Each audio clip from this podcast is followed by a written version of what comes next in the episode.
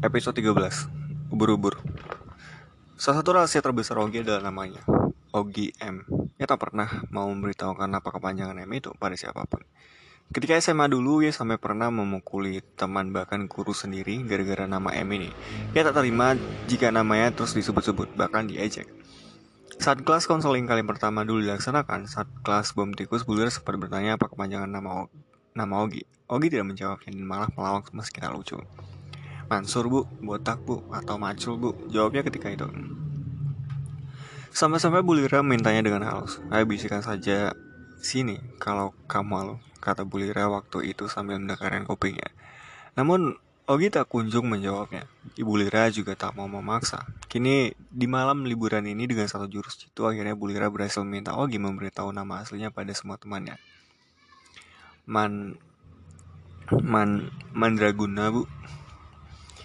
Ogi terbata-bata mengakui nama belakangnya setelah diteror Bu Lira. Raja menahan semburan tawa yang bercampur agak takut kalau kalau Ogi berulah lagi seperti ketika waktu SMA dulu. Namamu bagus, respon Bulira. Semua hening. Kenapa harus disembunyikan? Kenapa harus takut? Kenapa sampai harus Bu Bulira tidak melanjutkan kalimat-kalimatnya. Seketika ia ingat ya, itu tak bagus untuk psikologi seorang yang baru saja selamat dari upaya bunuh diri. Yang paling dibutuhkan Ogi justru adalah harus ada rasa hadir dari orang-orang sekitar untuk jiwanya. Bulira langsung merangkul dan memeluk Ogi. Enak betul hidup Ogi. Semua tercengang, semua merapat. Kawan, Bulira sudah memanggil dengan sebutan kawan sekarang. Satu pintu tertutup tidak berarti hidup harus berakhir. Satu pintu tertutup cari pintu lain atau buat pintu sendiri. Hari ini kita melihat dua hal menceng mencengangkan darimu, menyelamatkan HP Randi dan ngehack keamanan villa ini. Kamu melakukannya seperti bernapas. Bulira melepas pelukannya. Hasil evaluasi baru akan dikabarkan dua minggu lalu. Dua minggu lagi. Kalaupun memang DO ya sudah, masih banyak hal lain yang bisa kamu lakukan setelah itu. Kuliah lagi, banyak kampus yang pasti mau menerima dengan bakatmu itu. Kerja bisa juga. Mana tahu ayah Gala mau menerimamu jadi penjaga sistem keamanan untuk mengawasi Gal 24 jam. Gal tergelak. Ogi sudah punya keputusan beda betul rasanya sekarang. Bisa pula Ogi dengan cepat dan mantap membuat satu keputusan sendiri. Dia sudah tahu harus berapa harus apa. Baru kali ini ada orang yang mengapresiasi sesuatu darinya. Karena ayahmu pergi. Tenang, biarlah beliau menatapmu bangga dari sana, biarlah hidupmu berarti. Bulira sendiri menatap laut lepas. Kalau kita ke tengah laut malam ini, lalu mematikan semua lampu kapal, kita bisa melihat ubur-ubur.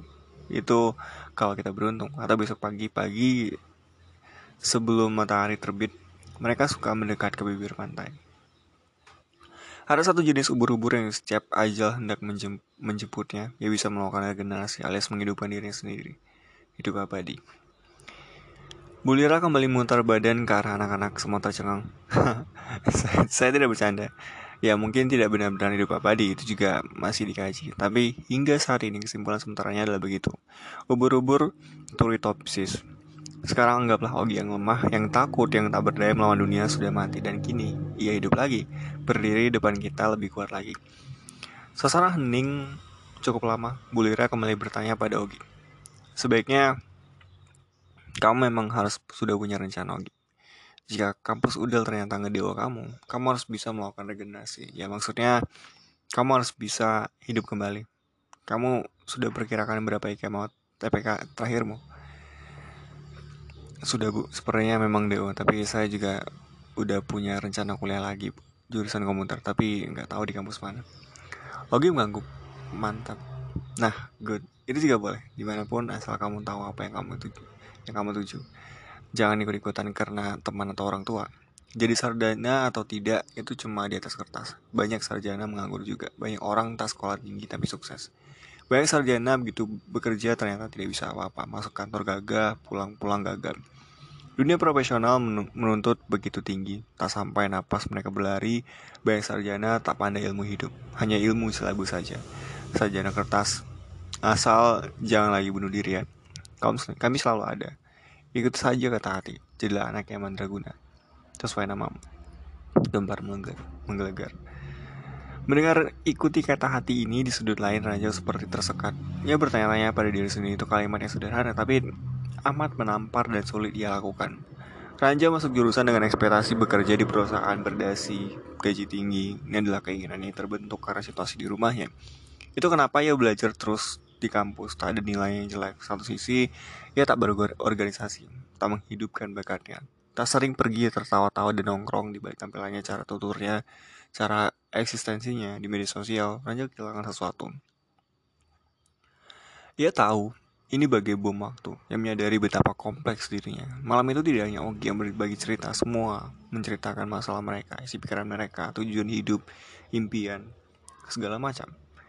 Catherine dan Bulira, dua adik kakak, mereka adalah anak kandung pemilik yayasan Bangsa yayasan yang menaungi Udel. Mereka adalah anak dari pemilik Udel. Panjang oh anak-anak ketika mendengar pengakuan ini.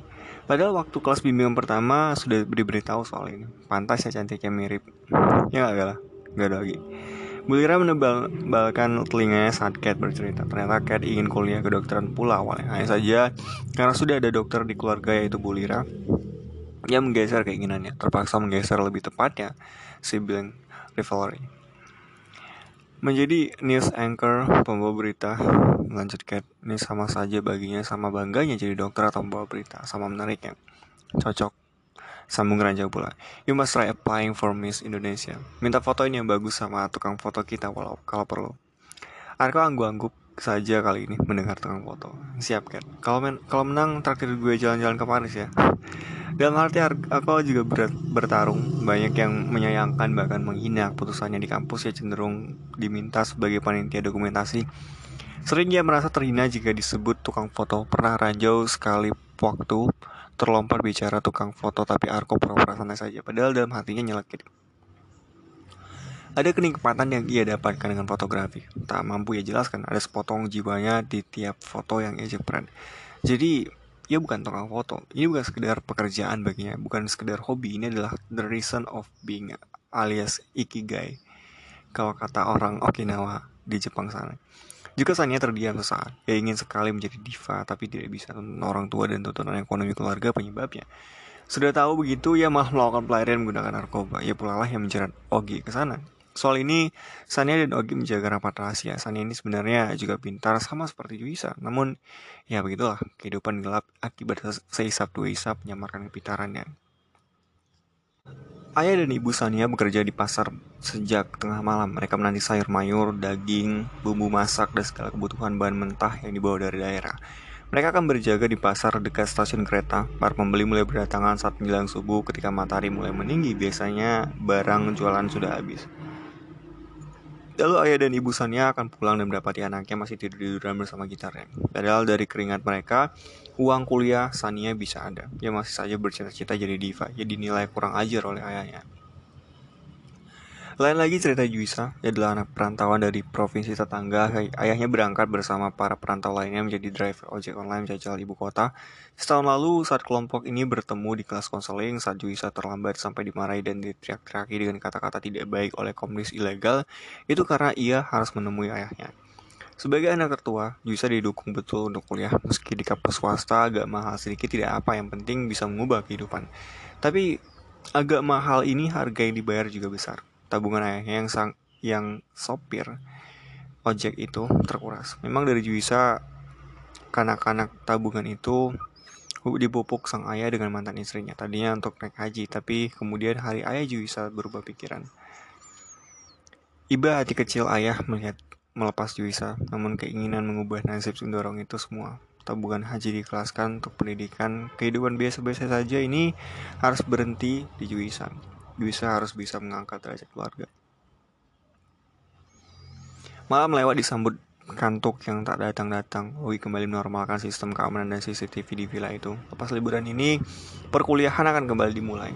Tapi belum tentu bagi Oki. Ia menunggu takdir. Kemungkinan ia di DO amat besar. Tambah lagi ujian stasiun stasialan itu, ia jawab asal-asalan yang sudah pasti tak akan lolos. Lagi pasrah.